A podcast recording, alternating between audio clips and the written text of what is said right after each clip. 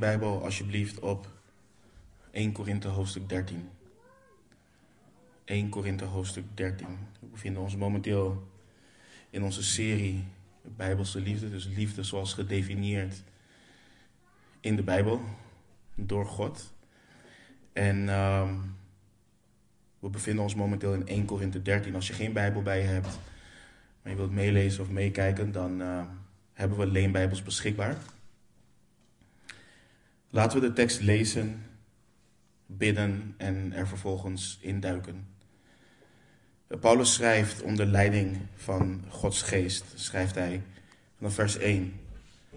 Al zou ik de talen van de mensen en van de engelen spreken, maar ik had de liefde niet, dan zou ik klinkend koper of een schallende symbaal zijn geworden. En al zou ik de gave van de profetie hebben, en alle geheimenissen weten en alle kennis bezitten, en al zou ik al het geloof hebben, zodat ik bergen zou verzetten, maar ik had de liefde niet, dan was ik niets. En al zou ik al mijn bezittingen uitdelen tot levensonderhoud van de armen, en al zou ik mijn lichaam overgeven om verbrand te worden, maar ik had de liefde niet, het baatte mij niets. De liefde is geduldig, zij is vriendelijk. De liefde is niet jaloers, de liefde pronkt niet, zij doet niet gewichtig.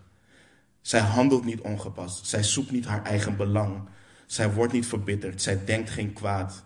Zij verblijdt zich niet over de ongerechtigheid, maar verheugt zich over de waarheid. Zij bedekt alle dingen, zij gelooft alle dingen, zij hoopt alle dingen, zij verdraagt alle dingen. De liefde vergaat nooit. Wat dan profetieën betreft, zij zullen er niet gedaan worden. Wat talen betreft, zij zullen ophouden. Wat kennis betreft, zij zal er niet gedaan worden. Toen ik een kind was, sprak ik als een kind, dacht ik als een kind, overlegde ik als een kind. Maar nu ik een man geworden ben, heb ik het innerlijke teniet gedaan. Nu immers kijken wij door een spiegel, door middel van een spiegel in een raadsel. Maar dan zullen wij zien van aangezicht tot aangezicht. Nu ken ik ten dele, maar dan zal ik kennen zoals ik zelf gekend ben. En nu blijven geloof, hoop en liefde, deze drie. Maar de meeste van deze is de liefde. Laten we bidden. Vader, uw woord heeft zoveel te zeggen over liefde. U heeft zoveel te zeggen over liefde. En Heer, dit is zo'n onuitputtelijk thema en we zijn u zo dankbaar dat we van u kunnen leren, Heer, want u bent liefde. En ik dank u, Heer, wij danken u, Heer, dat dit is wat u met en voor ons wilt. En we bidden voor het bovennatuurlijke werk van uw geest. En we vragen u om iedere vorm van afleiding weg te nemen, opdat we uw woord kunnen induiken en veranderd kunnen worden. Dat we geheiligd kunnen worden. Dat daar waar het nodig is, dat de bekering plaatsvindt. Maar boven alles, Vader, dat we op onze Heer Jezus Christus mogen gaan lijken. De leidsman en voleinde van ons geloof. Doe alstublieft boven wat wij kunnen bidden en boven wat wij kunnen vragen. En transformeer onze harten vandaag, Heer, ter eer en glorie van uw naam. In Jezus' naam. Amen. Dit schriftgedeelte is één uh, van de bekendste schriftgedeelten in, in heel de schrift. Uh, niet alleen binnen het lichaam van Christus, maar ook in de seculiere, de ongelovige wereld, is dit een heel bekend stuk literatuur. Als je in Google zoekt naar quotes on love, teksten over liefde, dan is de kans heel groot dat je deze versen voorbij gaat zien komen. En dat is niet onterecht. Want dit wat we zojuist hebben gelezen is, is prachtig. Het geeft hoop en het doet je ergens naar streven. Maar ondanks, of misschien zelfs door de populariteit van dit schriftgedeelte, wordt 1 Korinthe 13 vaak verkeerd begrepen, uit context geciteerd en daardoor ook verkeerd of zelfs niet toegepast in het leven van de beleidende volgeling van Jezus. Een belangrijke regel in bijbelse interpretatie is dat alles wat we lezen, we dat in context moeten lezen en interpreteren. Je dient rekening te houden met historische context, mogelijke culturele context, en ik zeg bewust mogelijke, omdat we de neiging hebben om bepaalde schriftgedeelten gevangen te houden in de cultuur van toen, terwijl dat niet zo bedoeld is. Een paar simpele voorbeelden. eh, dit is een heel controversieel onderwerp, maar wanneer Paulus het bijvoorbeeld heeft over het ambt, over vrouwen in het ambt in 1 Timotheus 2, dan verwijst hij bijvoorbeeld niet naar iets cultureels. Hij gaat helemaal terug naar de scheppingsorde. In 1 Timotheus 2, vers 13 lezen we. Want Adam is eerst gemaakt, daarna Eva. Dit overstijgt cultuur. Dit gaat helemaal terug naar het begin, waarin de Heere God een specifieke orde heeft ingesteld.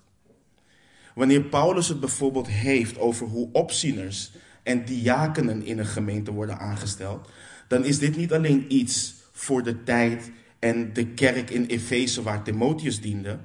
Nee, Paulus schrijft in 1 Timotheus 3, vers 15, maar, het voor het, maar voor het geval dat ik langer wegblijf, weet u nu hoe men zich moet gedragen in het huis van God, dat is de gemeente van de levende God, zuil en fundament van de waarheid. De kerk was niet alleen in de tijd van Paulus en Timotheus zuil en fundament van de waarheid. Het is het vandaag de dag nog steeds. Dit overstijgt cultuur. Dus ook hier zie je dat de instructies die Paulus heeft gegeven en de instructies die hij en de andere auteurs van de schrift onder leiding van Gods, van Gods geest hebben overgeleverd, tijdloos zijn. Dus context is belangrijk.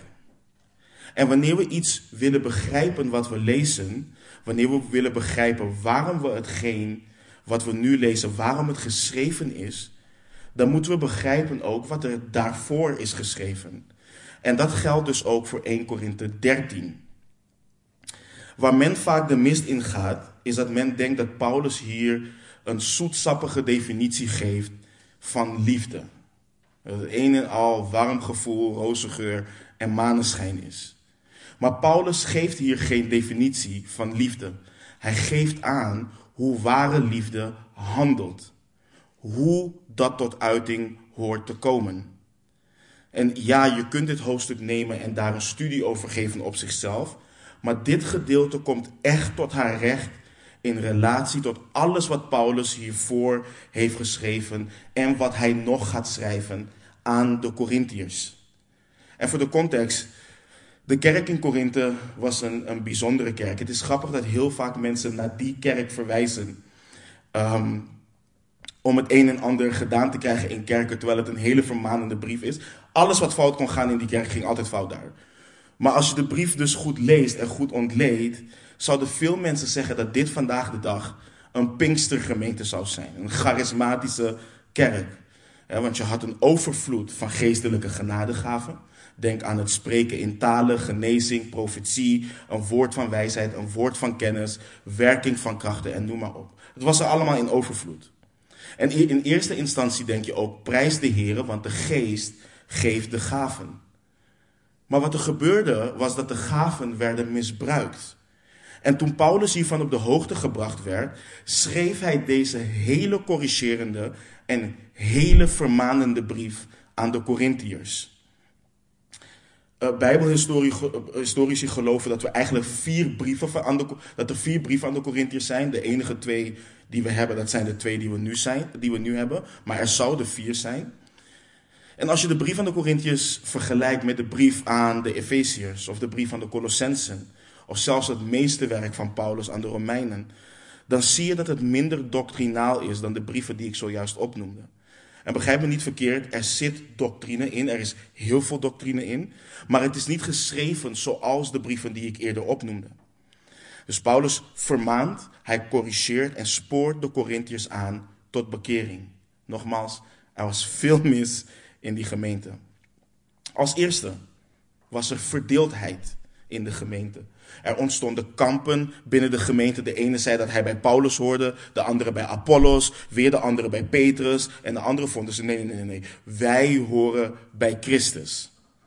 En Paulus sprak dit aan door te schrijven in 1 Korinthe 1, vers 13: Is Christus verdeeld? Is Paulus soms voor u gekruisigd? Of bent u in de naam van Paulus gedoopt? Dus hij, hij pakt die dwaasheid aan door zeggen van nee, er is geen verdeeldheid binnen het lichaam. We zijn allemaal van Christus.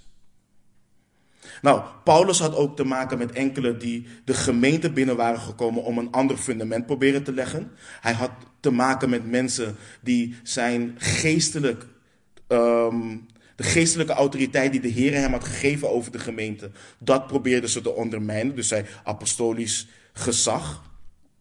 Hij had te maken met anderen die vonden dat hij in zijn brieven heel gewichtig overkwam, heel stoer deed. Maar persoonlijk was hij timide en zachtmoedig en kwam hij zijn woord niet na. En Paulus had te maken met zedeloosheid in de gemeente. Je had een man die zich schuldig maakte aan hoererij. En Paulus zei dat dit een vorm van hoererij was wat niet eens onder de heidenen voorkwam.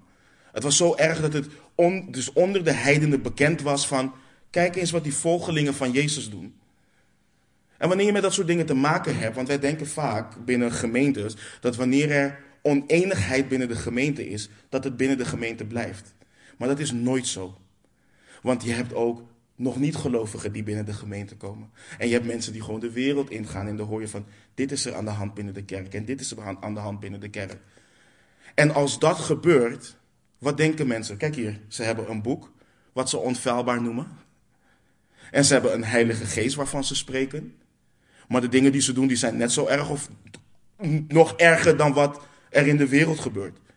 God heeft helemaal niet de kracht om het leven van mensen te transformeren. Dat is hoe de reputatie van de kerk en van God omlaag gebracht wordt, waarmee het vernietigd ehm, wordt. En hij schreef aan hen, in plaats van gewichtig te doen en jullie zelf een schouderklop te geven over hoe geestelijk je bent, kun je die man die zich schuldig maakt aan hoererij beter verwijderen uit jullie midden. Je kunt hem beter overleveren aan de Satan. Dat is wat hij zegt. Nou, vandaag de dag zouden we daar moeite mee hebben. En vervolgens moest Paulus hen aanspreken op hoe ze elkaar voor de rechter sleepten als er geschillen waren onder hen. En ze sleepten elkaar voor heidense eh, rechters. En het brak het hart van Paulus. Hij vroeg hen of er niemand verstandig onder hen was, zodat ze de geschillen onderling als broeders en zusters eh, konden oplossen. Hij vroeg hen waarom ze niet liever onrecht konden verdragen van elkaar. Waarom konden ze het niet verdragen om benadeeld te worden? Dit zijn dingen die wij hier vandaag de dag in het Westen moeten horen. Wie denk jij wel niet dat je dit tegen mij doet? Wie denk jij wel niet dat je zo tegen mij praat? Dat is wat we vaak in de westerse kerk horen. En in de, de Corinthiërs, die sleepten elkaar voor de rechter. En dan zegt Paulus, waarom kunnen jullie elkaar niet gewoon verdragen? Waarom, waarom kun je het niet hebben dat je benadeeld wordt? Paulus moest hun vervolgens duidelijk maken dat hun lichaam een tempel van God is. Dat ze zich moesten onthouden van hoererij. Hij moest hen onderwijzen wat betreft het huwelijk. Hoe ze omgingen met geofferd vlees. De misstanden bij het avondmaal. Sommigen, sommigen konden niet wachten op anderen en aten, aten en dronken zich helemaal rond. En wanneer de rest kwam, was er niets meer over. Hij moest hun duidelijk maken hoe het zat met de gaven van de geest en met welk doel zij gegeven waren. Hij moest hun de orde van de gemeente bijbrengen. Luister, jullie zijn niet allemaal uh, profeten. Jullie zijn niet allemaal leraren. Jullie zijn niet allemaal X, Y, Z. Waarom willen jullie allemaal wat te zeggen hebben? En wat is er gebeurd? Men is zich gaan richten op de gaven in plaats van de gever van de gaven.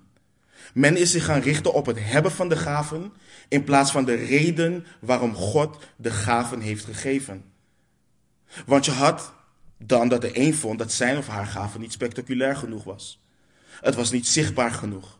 Het gaf niet genoeg aanzien.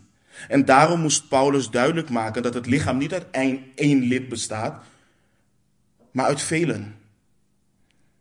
En dat niet iedereen een oor is, of een oog is, of een voet is. En niet omdat je geen voet bent, dat je niet nuttig bent. Alle gaven hoe groot of hoe klein in onze ogen zijn goed en nuttig en ter opbouw van het lichaam. En wat willen we? We willen allemaal, of zij wilden allemaal, die genadegaven die zichtbaar waren. En dat zijn de genadegaven die we in, in 1 Korinthe 12 lezen. Maar in Romeinen 12 hebben we andere gaven waar ook over gesproken wordt. En niemand streeft naar die. Niemand streeft naar dienstbaarheid, of weinigen streven naar dienstbaarheid. Nee, velen willen gehoord worden. Ze willen profiteren. Ze willen in talen spreken. Ik moet gezien worden. Ik moet gediend worden. Terwijl de gaven zijn gegeven om anderen te dienen. En Paulus maakt duidelijk: niemand is belangrijker of hoger dan de ander. Wat voor gave er ook gegeven wordt. Maar dat is wat er heerste in Korinthe. En dat is iets wat er heel snel insluipt als je je ogen afhaalt van wat belangrijk is en je je gaat bezighouden met randzaken. En dan, dan komt 1 Korinthe 13. Want hetgeen wat ontbrak, hetgeen wat er ontbrak in alle gaven die ze hadden, en hoe geestelijk ze ook waren, dat ze opschepten over hetgeen waar ze niet over hoorden op te scheppen, was een gebrek aan liefde. Gebrek aan zelfopofferende en onophoudelijke liefde, wat het hoogste goed was, wat het hoogste goed zoekt van de anderen. En je moet je voorstellen, deze mensen zijn onderwezen door de apostel Paulus. Ze zouden weten wat liefde is, maar toch moet Paulus ze onderwijzen in de liefde. En 1 Korinthe 13 kun je breed toepassen, zoals in het huwelijk, in je opvoeding, etc. Maar dit gaat over de relaties binnen het lichaam van Christus. Dit gaat over de relaties tussen broeders en zusters. Zij het binnen een lokale gemeente of daarbuiten. En als je teruggaat naar 1 Korinthe 12 en je leest vers 31, dan geeft dit het nodige gewicht aan wat we lezen vanaf vers 1 in 1 Korinthe 13. Eh, Paulus schrijft: Streef dus naar de beste genadegave en ik wijs u een weg die dit alles nog overtreft. En Paulus schrijft: Zoek de beste genadegaven. Zoeken jullie ernaar. Probeer het te grijpen. Maar ik zal jullie een weg laten zien die dit alles overtreft. Paulus wil laten zien wat superieur is, wat hoger is, wat groter is, wat beter is dan de beste genadegaven. En in hoofdstuk 13 laat Paulus drie dingen zien. In versen 1 tot en met 3 de noodzaak van liefde. In versen 4 tot en met 7 hoe liefde handelt. En vanaf vers 8 de standvastigheid van liefde. Het houdt nooit op. Dus als we weer vanaf vers 1 lezen, als zou ik de talen van de mensen en van de engelen spreken, maar ik had de liefde niet, dan zou ik klinkend koper of een schallende symbaal zijn geworden. En als zou ik de gave van de profetie hebben en alle geheimenissen weten en alle kennis bezitten, en als zou ik al het geloof hebben, zodat ik bergen zou verzetten, maar ik had de liefde niet, dan was ik niets. En als zou ik al mijn bezittingen uitdelen tot levensonderhoud van de armen, en als zou ik mijn lichaam overgeven om verbrand te worden, maar ik had de liefde niet, het baatte mij niets. Om deze versen goed te begrijpen, moeten we weten dat Paulus hyperbolisch spreekt. En hyperbool is een, is een, uh, in spraak is een vorm van overdrijving. Je wilt extra nadruk leggen op iets. Jullie weten bijvoorbeeld dat wanneer wij praten, wij praten soms over je gooit sjeu op iets. Dat, dat is wat Paulus doet. Hij maakt het zwaar. Hij wil je laten zien hij wil de ernst duidelijk maken. Laten weten hoe serieus het is. En voorbeelden van hyperbol zijn: ehm, ik ga dood van de honger. Ik schrok me kapot. Het duurde een eeuw voordat hij of zij antwoord gaf. Dat is, dat is hyperbol. En dat is wat Paulus hier gebruikt. Dat is wat hij doet. Want mensen hebben dit zo uit context getrokken, waardoor er een doctrine is ontstaan over talen van engelen. Dat is niet wat Paulus schrijft. Paulus heeft het niet daarover. Paulus probeert hier te benadrukken. Al had ik de gave dat ik alle talen zou spreken, maar ik had de liefde niet, dan zou ik klinkend koper of een schallende symbaal zijn geworden. Zonder liefde is de gave van talen helemaal niets. Ik weet niet of jullie het geluid van een symbaal kennen, maar een symbaal is geen solo-instrument. Als je daarop slaat, maakt het alleen maar lawaai. Je kunt niet uren luisteren naar een symbaal zoals je naar een gitaar of naar een piano luistert. Maar als het in harmonie is met een hele band of een orkest of wat dan ook, en op het juiste moment wordt gebruikt, dan voegt het wat toe. Maar puur slaan op een symbaal is alleen maar lawaai maken. En zo dus ook met talen. Als de liefde ontbreekt, als de agape-liefde ontbreekt, dan is het alleen maar lawaai. Dan is het letterlijk dat wat we horen in veel gemeenten. Als je dertig mensen dat tegelijk hoort doen, is alleen maar lawaai. Dat voegt helemaal niets toe. Het is niet opbouwend. Sterker nog, het is niet bijbels. En Paulus gaat dan ook verder met profetie. En hierin zie je echt dat Paulus de noodzaak van liefde duidelijk wil maken. Want Paulus had profetie hoog zitten. Hij schrijft in 1 Korinthe 14, vers 1 ook dat ze vooral ernaar moeten streven dat ze mogen profeteren. Maar hier schrijft hij, al zou hij de gave van profetie hebben en alles weten, alle geheimenissen weten en alle kennis bezitten, al zou hij het geloof hebben, zodat hij bergen zou kunnen verzetten, maar de liefde ontbrak, dan was hij niets. En de gave van profetie, zoals hier beschreven, is het vermogen om mysteries te kennen en kennis op te doen. Profetie is het goddelijke vermogen om te weten wat we zonder goddelijke openbaring niet zouden kunnen weten. Dat is wat profetie is. Profetie is niet puur en alleen, of profetie is überhaupt niet, hey broeder, zuster, je krijgt volgende week een, een Porsche Carrera. Dat is geen profetie. En in de Bijbel is een mysterie een waarheid die gedeeltelijk wordt onthuld, maar die niet volledig wordt begrepen. Een voorbeeld. Volgens Paulus was de betekenis van het huwelijk een mysterie. Nu weten wij de waarheid over de vereniging van Christus met zijn kerk, dat dat wordt geïllustreerd door een christelijk huwelijk. Een ander voorbeeld is dat de heiligen in het Oude Testament werden gered door geloof in God. Ze aanbaden God, maar ze zagen zichzelf niet verenigd met God door de Heere Jezus zoals wij dat nu geopenbaard hebben. En hetzelfde geldt bijvoorbeeld ook voor, voor het mysterie van de vereniging tussen Jood en Heiden. Dat was allemaal nog een mysterie. Maar nu is het geopenbaard zoals we dat in bijvoorbeeld Efeze 2 ook kunnen lezen. En dus, als je in de meest extreme vorm alles zou weten door de gave van profetie, als alle geheimenissen kenbaar gemaakt zouden worden, maar je had geen liefde, dan ben je niks. Dan ben je niemand. Dus, en als je het toepast naar hier en nu ook, het maakt dus ook niet uit hoeveel Bijbelkennis je hebt. Het maakt niet uit hoeveel je je Bijbel leest. Het maakt niet uit hoeveel God aan jou openbaart. Als jij geen agape-liefde hebt, als je geen liefde hebt, als jouw hart niet geregeerd wordt door zelfopofferende en onophoudelijke liefde, dan ben je helemaal niets. Dan maakt het niets uit. Omdat de kennis die we opdoen in de Bijbel ons hoort te transformeren. Het is nooit gegeven opdat we een hoofd zouden hebben vol met kennis. Het is gegeven opdat we getransformeerd zouden worden naar het evenbeeld van Christus, ter eer en glorie van onze levende God. Dat is waarom het gegeven is. En in vers 3 schrijft Paulus over de meest extreme vorm van zelfopoffering. Al geef ik alles, al verkoop ik mijn bezittingen voor de armen, al geef ik mijn lichaam als offer voor een ander, als liefde niet de motivatie is, dan baat het niets. En onthoud, mensen geven en doen veel uit verschillende motieven. En vaak is het geen liefde. Eh, we kennen allemaal wel die verhalen over mensen die al hun vermogen hebben nagelaten aan een goed doel. Niet omdat ze zoveel van het goede doel houden of de mensen die dat goede doel dienen, maar omdat ze niet willen dat hun kinderen die padje af zijn, hun, hun, hun eh, vermogen erven. Of, hun, of de rest van hun familieleden. Sommigen laten hun geld alleen maar na, omdat ze weten dat ze het geld niet mee kunnen nemen in hun graf. Dus als de liefde waarmee God ons heeft liefgehad, als de liefde gedemonstreerd in het offer van de Heer Jezus Christus, niet het motief is waarmee we geven of doen, dan baat het niets. En daarom ook wanneer wij bijvoorbeeld geven als kerk, als gemeente, ieder goed doel of ieder doel wat wij zouden steunen, zou, moeten, zou het evangelie van Jezus Christus moeten dienen. Het heeft geen zin als, dat, als het dat niet doet.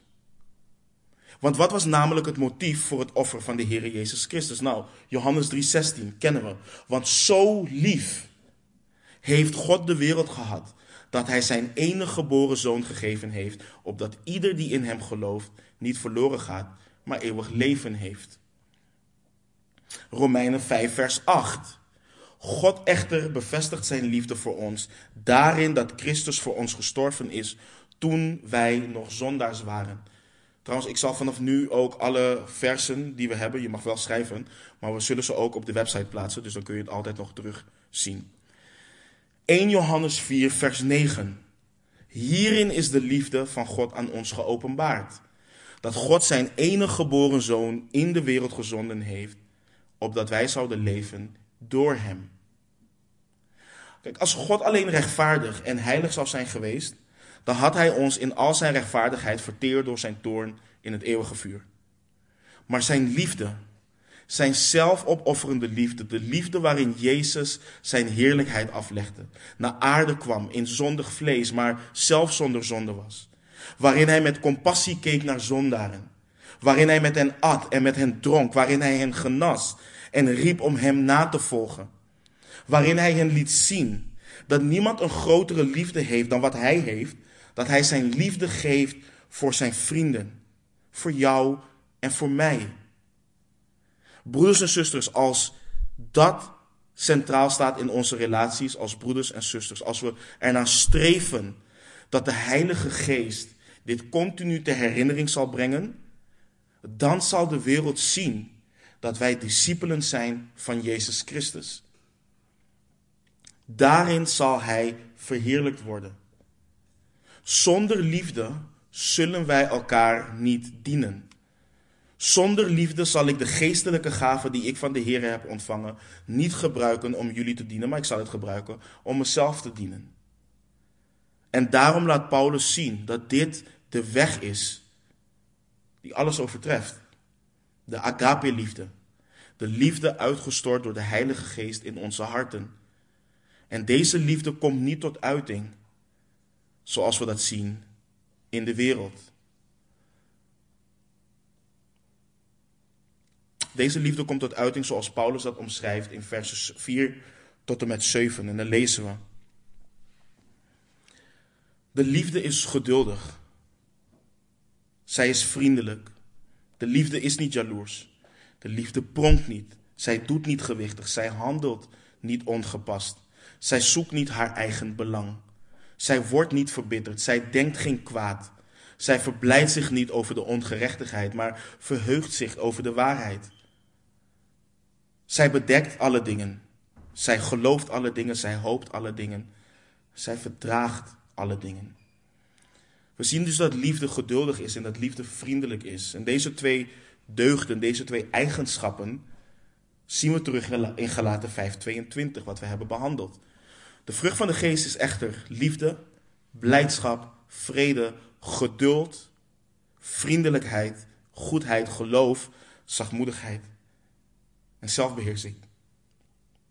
Maar zoals we hebben behandeld, is dit niet iets passiefs. Dit zijn geen passieve eigenschappen. Liefde handelt. Dus wat bedoelt Paulus met geduldig? Het woord geduldig betekent in het Grieks traag tot toorn. Het wordt gebruikt in de volgende vorm. Ik, ik leid lang. Ik ben verdraagzaam. Ik zet door. Paulus leert dat een persoon um, die de liefde heeft, weigert om wraak te nemen. Die persoon weigert om woede of boosheid hem of haar te laten beheersen. En dit Griekse woord, dat is ook heel belangrijk, dit Griekse woord wordt altijd gebruikt in relatie tot mensen. Dit betekent dus niet dat je geduld hebt met een situatie of in een situatie, wat overigens ook nodig is. Maar dit heeft te maken met het feit dat je geduld hebt en geduldig bent met de persoon in die situatie.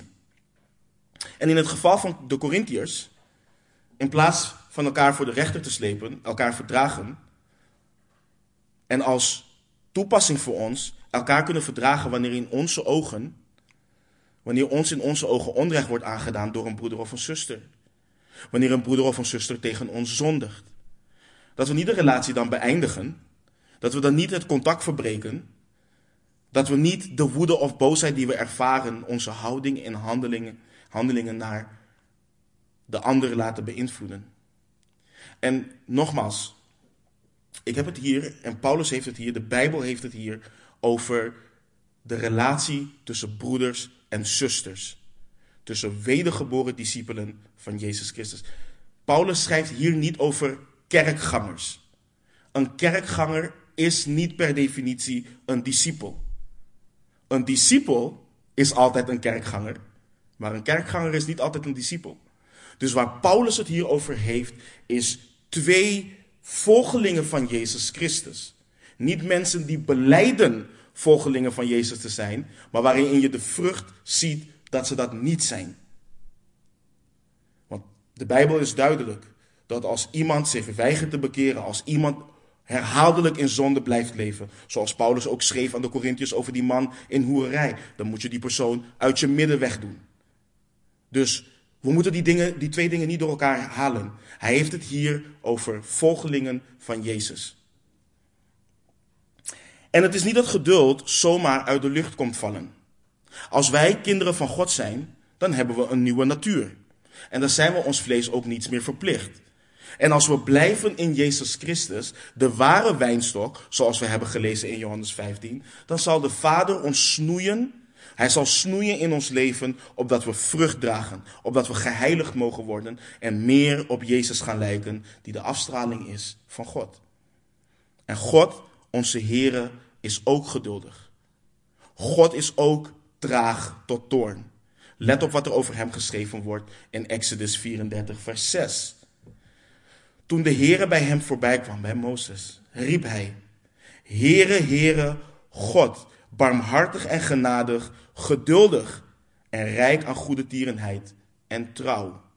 Dat is Exodus 34, vers 6. In Romeinen 2, vers 4 lezen we ook. Waar Paulus schrijft: Of veracht u de rijkdom van zijn goede tierenheid, verdraagzaamheid en geduld, zonder te weten dat de goede tierenheid van God u tot bekering leidt. Of wanneer Paulus schrijft aan Timotheus in 1 Timotheus 1 vers 16. Maar daarom is mij barmhartigheid bewezen, opdat Jezus Christus in mij, de voornaamste van de zondaars, al zijn geduld zou tonen, tot een voorbeeld voor hen die later in hem zouden geloven tot het eeuwige leven.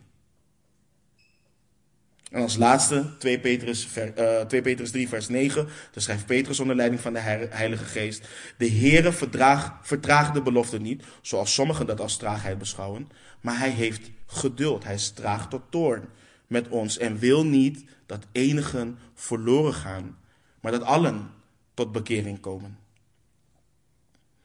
Dus geduld is, het is gewoon in de natuur van de Heere God. En als wij zijn kinderen zijn, hoort dit ook in onze nieuwe natuur te zijn. En dit is dus niet iets optioneels. Dit is heiliging.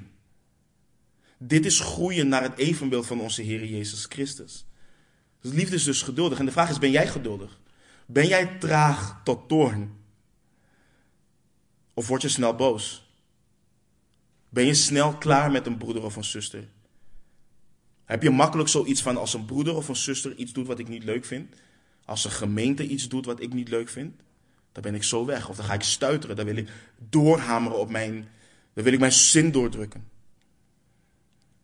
Of als een broeder of zuster mij terecht of onterecht ergens op aanspreekt, word ik dan boos en ben ik dan klaar met die persoon? Zo ja, lees waartoe God je oproept in zijn woord. Efeze 4, versen 1 tot en met 3. Zo roep ik, de gevangenen in de Here, u op tot een wandel die de roeping waarmee u geroepen bent waardig is. In alle nederigheid en zachtmoedigheid, met geduld, door elkaar in liefde te verdragen en u te beijveren om de eenheid van de geest te bewaren door de band van de vrede. Of van de Colossensen in Colossensen 3, versen 12 tot en met 14. Kleed u zich dan als uitverkorenen van God, heiligen en geliefden, met innige gevoelens van ontferming, vriendelijkheid, eh, nederigheid, zachtmoedigheid, geduld. Verdraag elkaar en vergeef de een de ander. Als iemand tegen iemand anders een klacht heeft, zoals, zoals ook Christus u vergeven heeft, zo moet ook u doen. En kleed u zich bovenal, boven alles met de liefde die de band van de volmaaktheid is. En voor we denken, ik ben niet als de Corinthiërs, misschien niet. Maar we zijn ook geen haar beter. Want wat houden wij ervan om voor onszelf op te komen hier in het Westen? We houden ervan om te lezen dat we de andere de wang moeten toekeren, de andere wang moeten toekeren. Maar we hebben altijd allerlei excuses om te rechtvaardigen waarom we het niet toepassen. En niet alleen als broeders en zusters. Ook in ons werk, ook in ons huwelijk. En we beroepen ons op onze CAO en al dat soort dingen. Nee, dat is niet voor ons als volgelingen van Jezus. En wat de apostel Petrus schreef in 1 Petrus 2, vers 19 van, tot met vers 25. Want dat is genade. Dat is genade. Als iemand om het geweten voor God dingen verdraagt die hem pijn doen. En daarbij ten onrechte leidt. Ten onrechte. Want wat voor roem is er als u het geduldig verdraagt wanneer u zondigt en daarvoor slagen ontvangt? Je hebt mensen die zeggen van ja, weet je, ik, uh, ik ben ontslagen van mijn werk uh, omdat, uh, ja, omdat ik christen ben. Nee, je komt gewoon elke dag te laat en, en je doet je werk niet. En daarom ben je ontslagen. En dat heeft niks te maken met het feit dat je christen bent. Het heeft gewoon te maken met het feit dat je een slechte werknemer bent. Dat zijn twee totaal verschillende dingen. Dus wat, wat, wat staat hier? Want wat voor roem is er als u het geduldig verdraagt wanneer u zondigt en daarvoor slagen ontvangt? Maar als u het geduldig verdraagt wanneer u goed doet en daarvoor lijdt, is dat genade bij God. Want hiertoe bent u geroepen, omdat ook Christus voor ons geleden heeft. Hij laat ons zo een voorbeeld na. Opdat u zijn voetsporen zou navolgen. Hij die geen zonde gedaan heeft en in wiens mond geen bedrog gevonden is. Die toen hij uitgescholden werd niet terugschold. En toen hij leed niet dreigde, maar het overgaf aan hem die rechtvaardig oordeelt die zelf onze zonde in zijn lichaam gedragen heeft op het hout, opdat wij voor de zonde dood, voor de gerechtigheid zouden leven. Door zijn striemen bent u genezen. Want u was als dwalende schapen, maar u bent nu bekeerd door de herder en opziener van uw zielen. Dus de vraag is, zijn wij geduldig? Zijn we traag, traag tot toorn? En ik zie het steeds meer binnen gemeenten waar dat gewoon niet zo is. Waar we elkaar opvreten, afmaken. Vanwege een klein ding. En dan zien we een voorbeeld van bijvoorbeeld Stefanus. Die, rots, die, die stenen naar zijn hoofd krijgt. Niet van gelovigen, van ongelovigen. En alsnog bidt hij, Heer, vergeef ze. Als hij voor ongelovigen zo kan bidden, waarom kunnen wij niet traag tot toorn zijn binnen het lichaam? Paulus schrijft verder: de liefde is vriendelijk. In het Grieks betekent dit dienstbaar zijn aan anderen. Je zou in eerste instantie kunnen denken: dit gaat om aardig zijn. Maar nee, dit heeft te maken met dienstbaarheid. Mensen die geregeerd worden door goddelijke liefde, zijn geïnteresseerd in het welzijn van anderen. Ze zijn geïnteresseerd en oprecht bezig met de noden van anderen. En ze hebben daar niet alleen interesse, interesse in. Liefde, zoals Paulus dat hier omschrijft, wil, wil altijd antwoord op de vraag: hoe kan ik mijn broeder of mijn zuster dienen? En dat is ook wat ze doen. En dat is ook wat we lezen in het verhaal bijvoorbeeld van de barmhartige Samaritaan in Lucas 10, versen 30 tot en met 37. De priester en de leviet, die werden geregeerd door religie, zonder liefde. En die gingen met een boog om hem heen. Maar de Samaritaan, waar de religieuze mensen op neerkeken, hij had compassie. Hij diende die man.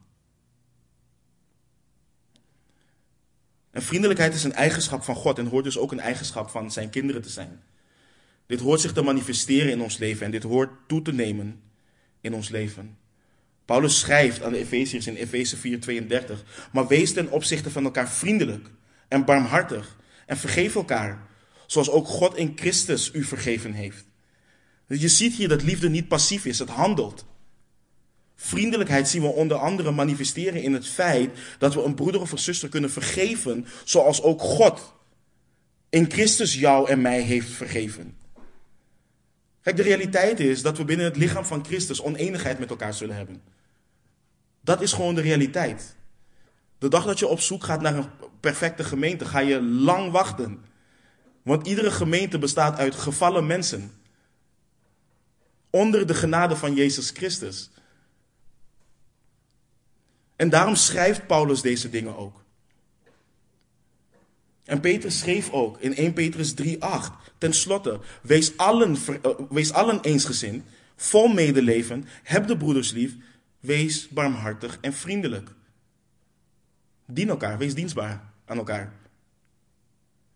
Dit is een gebod. En dit gebod niet in acht nemen is ongehoorzaam zijn aan de Heere God. En de Heere Jezus zei, als je me lief hebt, neem dan mijn geboden in acht. En dit is dus een gebod van de Heere. Dit niet in acht nemen laat zien dat je de Heere niet lief hebt. En voor we ons gaan bevinden op psychologisch gebied en zeggen, ja maar we weten niet wat iemand heeft meegemaakt in het verleden. We weten niet waarom iemand niet vriendelijk kan zijn. We weten niet hoeveel pijn ze hebben geleden. Nee, dat weten we inderdaad niet. En we hebben compassie. Maar er is één ding wat we wel weten. En dat is dat als je beleidt een kind van God te zijn, dat je je moet realiseren dat wat jou is aangedaan in het verleden als sneeuw voor de zon verdwijnt wanneer je dat vergelijkt met hoe jij en ik hebben gerebelleerd tegen de Heere God. Hoe je hem continu hebt verlogend. En hoe je continu ongehoorzaam bent geweest. En wat we weten is dat hij ondanks dat, ondanks dat in zijn soevereiniteit en genade jou vergeven heeft, jouw zonde heeft weggedaan, daaraan niet meer denkt en heeft aangenomen als zijn kind. Christus is vriendelijk tegen ons allen geweest. Ook al verdienen we het niet. En nu dan, broeders en zusters, nu dan geliefden. Als God ons zo lief had, moeten ook wij elkaar zo lief hebben. Er is nooit, maar dan ook nooit een excuus voor ongehoorzaamheid. Geen enkel. En het mooie van vriendelijkheid is, het, het, het leidt tot eenheid. Vriendelijkheid zorgt ervoor dat we elkaar dienen en elkaar niet in zonde laten leven zoals de Corinthiërs dat wel deden. Vriendelijkheid zorgt ervoor dat we niet gaan staan op ons eigen recht, maar dat we gaan staan op hetgeen wat onze broeder of zuster beter maakt. Vriendelijkheid zorgt ervoor dat we niet gaan neerkijken op elkaar of elkaar benijden vanwege de geestelijke gaven die we wel of niet hebben. En zo blijf je hier zien. Wat de, wat de geestelijke volwassenheid van iemand laat zien, zijn niet de geestelijke gaven die iemand heeft, maar of die persoon vrucht van de geest draagt en daarin groeit. Heeft en wordt die persoon geregeerd door liefde. Niet door kerktraditie, niet door hoe lang je een christen bent, niet door al die dingen. Door zelfopofferende en onophoudelijke liefde, zoals God ons heeft liefgehad. En we lezen vervolgens dat de liefde niet jaloers is. En dit woord kan in het Grieks zowel positief als negatief worden gebruikt. Het heeft namelijk te maken met ijver. Ergens ijverig voor zijn, ergens toegewijd aan zijn, iets verlangen. Maar de manier waarop Paulus het gebruikt is in de negatieve zin. Liefde is niet jaloers in de zin dat het niet ergens naar verlangt of ergens aan toegewijd is ten koste van een ander. Jaloezie in deze vorm en liefde gaan niet samen. Dat zien we bijvoorbeeld ook in het verhaal van Kain en Abel. Het is door jaloezie dat Kain zijn broer doodsloeg. Ook in Saul en David. Saul werd jaloers dat er werd gezongen dat hij duizenden had verslagen, maar David zijn tienduizenden. Hij werd jaloers op David dat hij de nieuwe koning zou worden en hij afgezet was door God. De Sadduceeën en Fariseeën waren jaloers op Jezus en zijn populariteit. Iemand die jaloers is, slaagt liever in het leven ten koste van anderen. Iemand die jaloers is, kan het ook niet hebben dat een ander slaagt in wat dan ook. En daarin zie je dat het offer van Jezus het ultieme voorbeeld is van liefde. Want God heeft ons ten koste van zijn zoon verzoend met ons. Jezus heeft zichzelf gegeven voor onze redding. We lezen in Johannes 10, vers 11. Ik ben de goede herder. En de goede herder geeft zijn leven voor de schapen. Dus de Heer Jezus heeft als opperherder zijn eigen leven gegeven, opdat wij zijn schapen mogen leven. God gaf zichzelf voor ons. Hij nam niet van iets of iemand anders om ons te redden. Hij gaf zichzelf. Maar jaloezie neemt van anderen. Een, ja, een jaloers persoon offert zichzelf niet op. En jaloezie komt uit de gedachte dat je recht hebt op iets of dat je vindt dat een ander iets niet verdient. En daarom kan iemand mij niet overtuigen dat ze een kind van God zijn terwijl ze verteerd worden door jaloezie. Want een kind van God weet dat ze geen recht hebben op vergeving en gemeenschap met God. En daarom zal een kind van God altijd worden herinnerd door de Heilige Geest. Dat ook al verdient een broeder of zuster zijn of haar vergeving niet, of ook al verdient de persoon die bediening niet in mijn ogen, dat het niet gaat om wat die persoon verdient, maar dat het gaat om de genade die God schenkt. En jaloezie, jaloezie is niet iets wat alleen, waar alleen de Corinthiërs mee te maken hebben of hadden.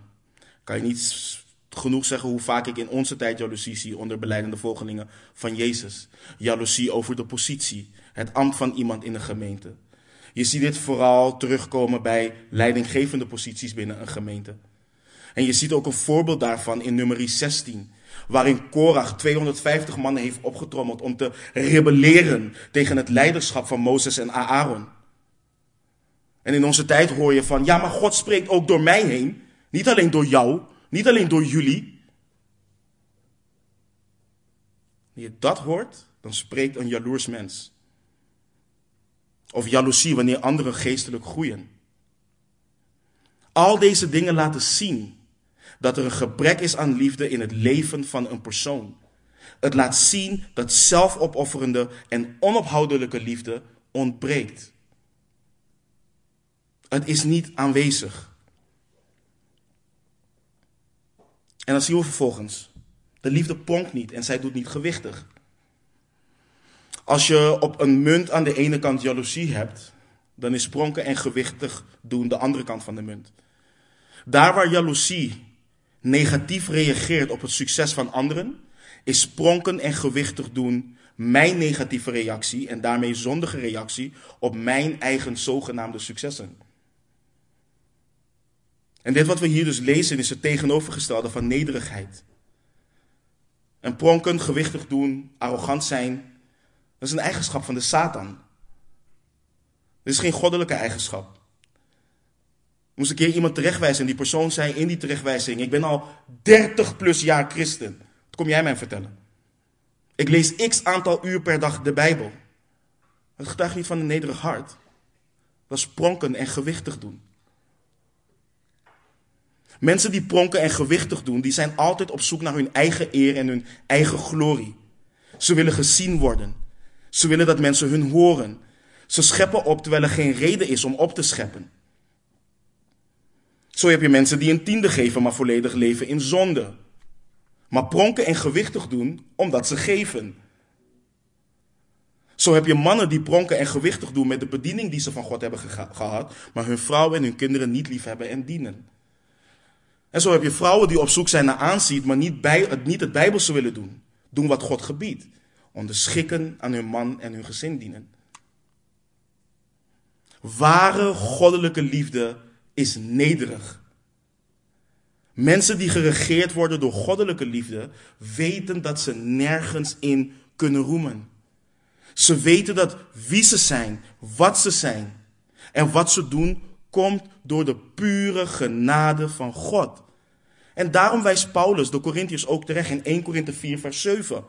Want wie maakt onderscheid tussen u? En wat hebt u dat u niet hebt ontvangen?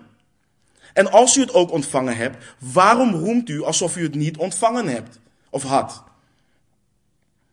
En als er één ding is, en we spreken daar niet vaak over, hè, we, we willen niet horen dat God haat. Maar als er iets is wat God haat, God haat hoogmoed. Hij haat trots, gewichtigheid en gepronk. We lezen in Spreuken 8, 13. De vrezen des Heren is het kwade te haten. Hoogmoed, trots en de verkeerde weg en een mond vol verderfelijke dingen haat ik. Spreuken 16, vers 5. Al wie hooghartig is, is voor de Heere een gruwel, gruwel. Hand op hand, hij zal niet voor onschuldig gehouden worden. Jacobus 4, vers 6. Hij echter geeft des te meer genade. Daarom zegt de schrift, God keert zich tegen de hoogmoedigen, maar naar nederigen geeft hij genade. En Petrus schrijft in 1 Petrus 5, vers 5. Evenzo, jongeren, wees aan de ouderen onderdanig. En wees, aan al, wees, aan elkaar, wees allen elkaar onderdanig. Wees met nederigheid bekleed. Want God keert zich tegen de hoogmoedigen. Maar de nederigen geeft hij genade.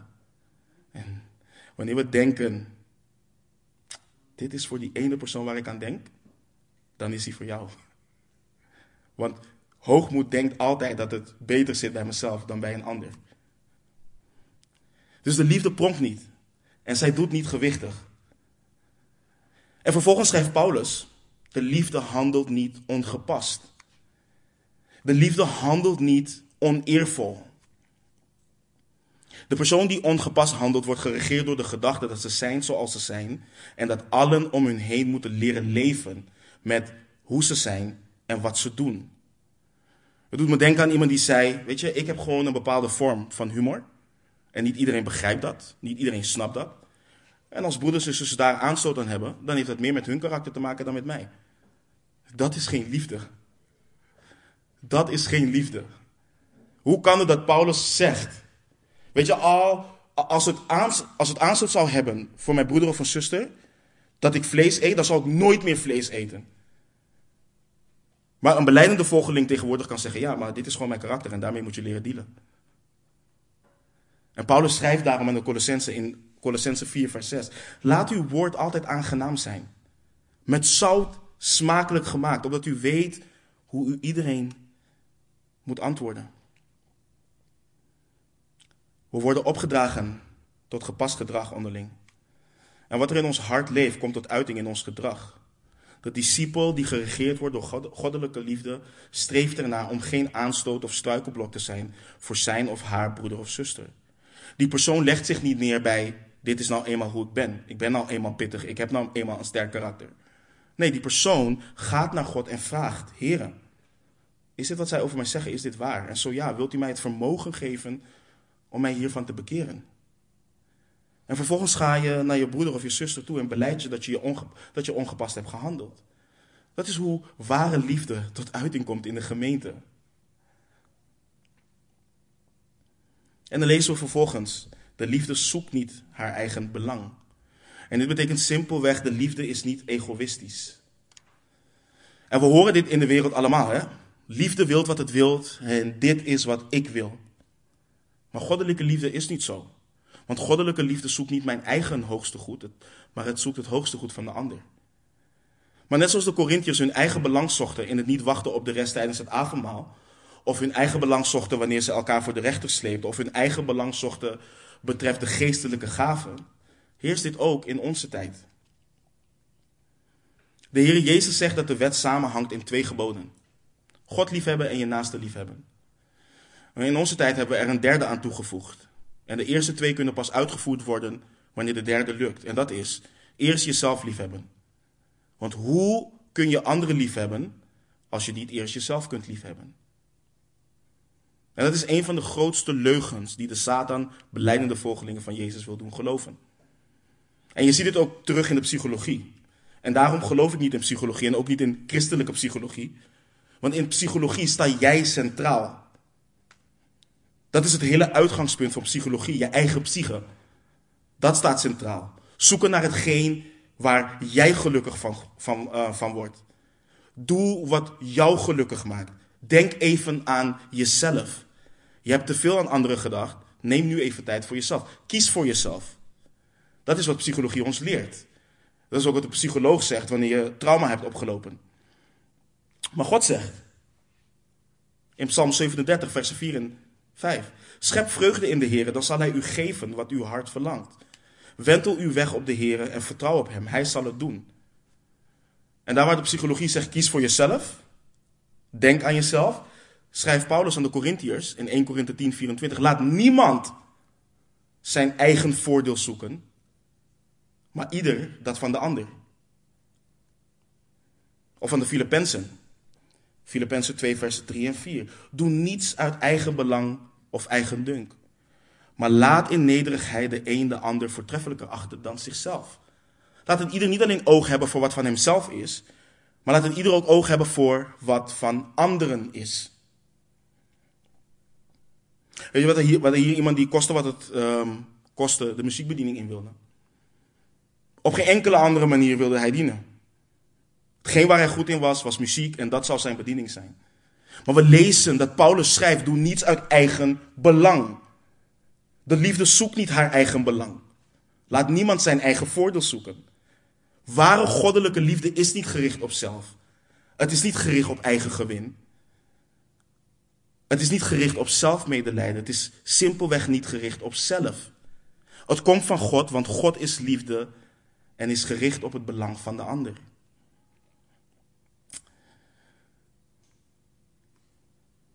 Nu is het ongebruikelijk om midden in een vers te stoppen. Maar ik kan me beroepen op het feit dat de oorspronkelijke tekst geen versen had. Dus omwille van de tijd wil ik het hierbij laten en gaan we volgende week verder en maken we het hoofdstuk af. Het is te belangrijk om hier te snel uh, doorheen te gaan. Zoals we aan het begin hebben gehoord, vonden de Corinthiërs zichzelf geestelijk volwassen. Gaven waren, er, gaven waren er in overvloed. Maar het allerbelangrijkste, het allerbelangrijkste, de liefde, dat ontbrak. En ze werden gedreven door hoogmoed en zochten hun eigen belang. En we worden daarin gedwongen om ons eigen hart te doorzoeken. Wordt mijn hart geregeerd door liefde?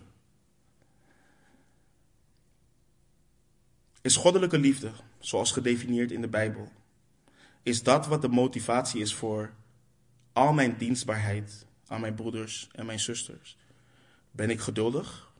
Ben ik vriendelijk, dus dienstbaar aan anderen? Bespeur ik jaloezie richting mijn broeder of zuster? Pronk ik? Doe ik gewichtig? Roem ik in hetgeen waarin ik niet hoor te roemen? Roem ik überhaupt? En als ik roem, roem ik in het enige waarin ik kan roemen en de enige waarin ik kan roemen. Onze Heer Jezus Christus. Handel ik gepast? Zoek ik het belang van mijn broeder en mijn zuster? Ben ik op de weg die alles overtreft? Dus de weg van Christus. Jezus is gestorven voor hen die het niet verdienden. Jezus diende hen die het niet verdienden. Jezus diende hen die aan het kibbelen waren en ruzie aan het maken waren over wie de grootste is, wie het belangrijkste is. En dan dient hij hen, wast hij hun voeten en laat hij hun zien wat ware dienstbaarheid en ware liefde is. Is dat iets wat regeert onder ons of in mijn eigen hart? Laten we bidden.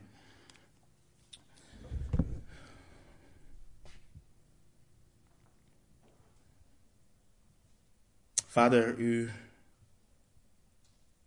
u bent liefde, Heer. We hebben gelezen dat vrucht van de geest liefde is. En we zien nu ook dat liefde vriendelijk is en geduldig is. En mijn gebed is, Heer, doorzoek ons hart alstublieft. U bent de kenner van harten. Daar waar ons hart arglistig is boven alles. Daar waar wij onszelf schouderkloppen geven. Daar kent u ons hart en weet u waarlijk wat daarin leeft. En openbaart u dat ook, Heer. En dat is mijn gebed voor vanochtend. Overtuig ons, openbaar, Heer, wat er leeft, Heer. En Heer, als er, liefde, als er liefde in ons hart is, Heer, we prijzen en loven U daarvoor. Zoals de apostel Paulus schreef, er is niets goeds wat in ons leeft. Ja, maar alles wat goed is, alles wat goed is, komt van boven, komt van U. En dus alleen U komt alle eer en lofprijs toe, Heer. Verander ons en laat ons gekenmerkt worden door zelfopofferende en onophoudelijke liefde. Laat ons gekenmerkt worden door goddelijke liefde. Laat ons niet ons eigen belang zoeken, Heer. Heer, zoals uw woord leert, Heer, hebben we lang genoeg geleefd als de wereld. We zijn lang genoeg jaloers geweest. Lang genoeg gepronkt en gewichten gedaan. Laat het ons niet kenmerken als uw kinderen, Heer. Maar laat uw licht zo door ons schijnen.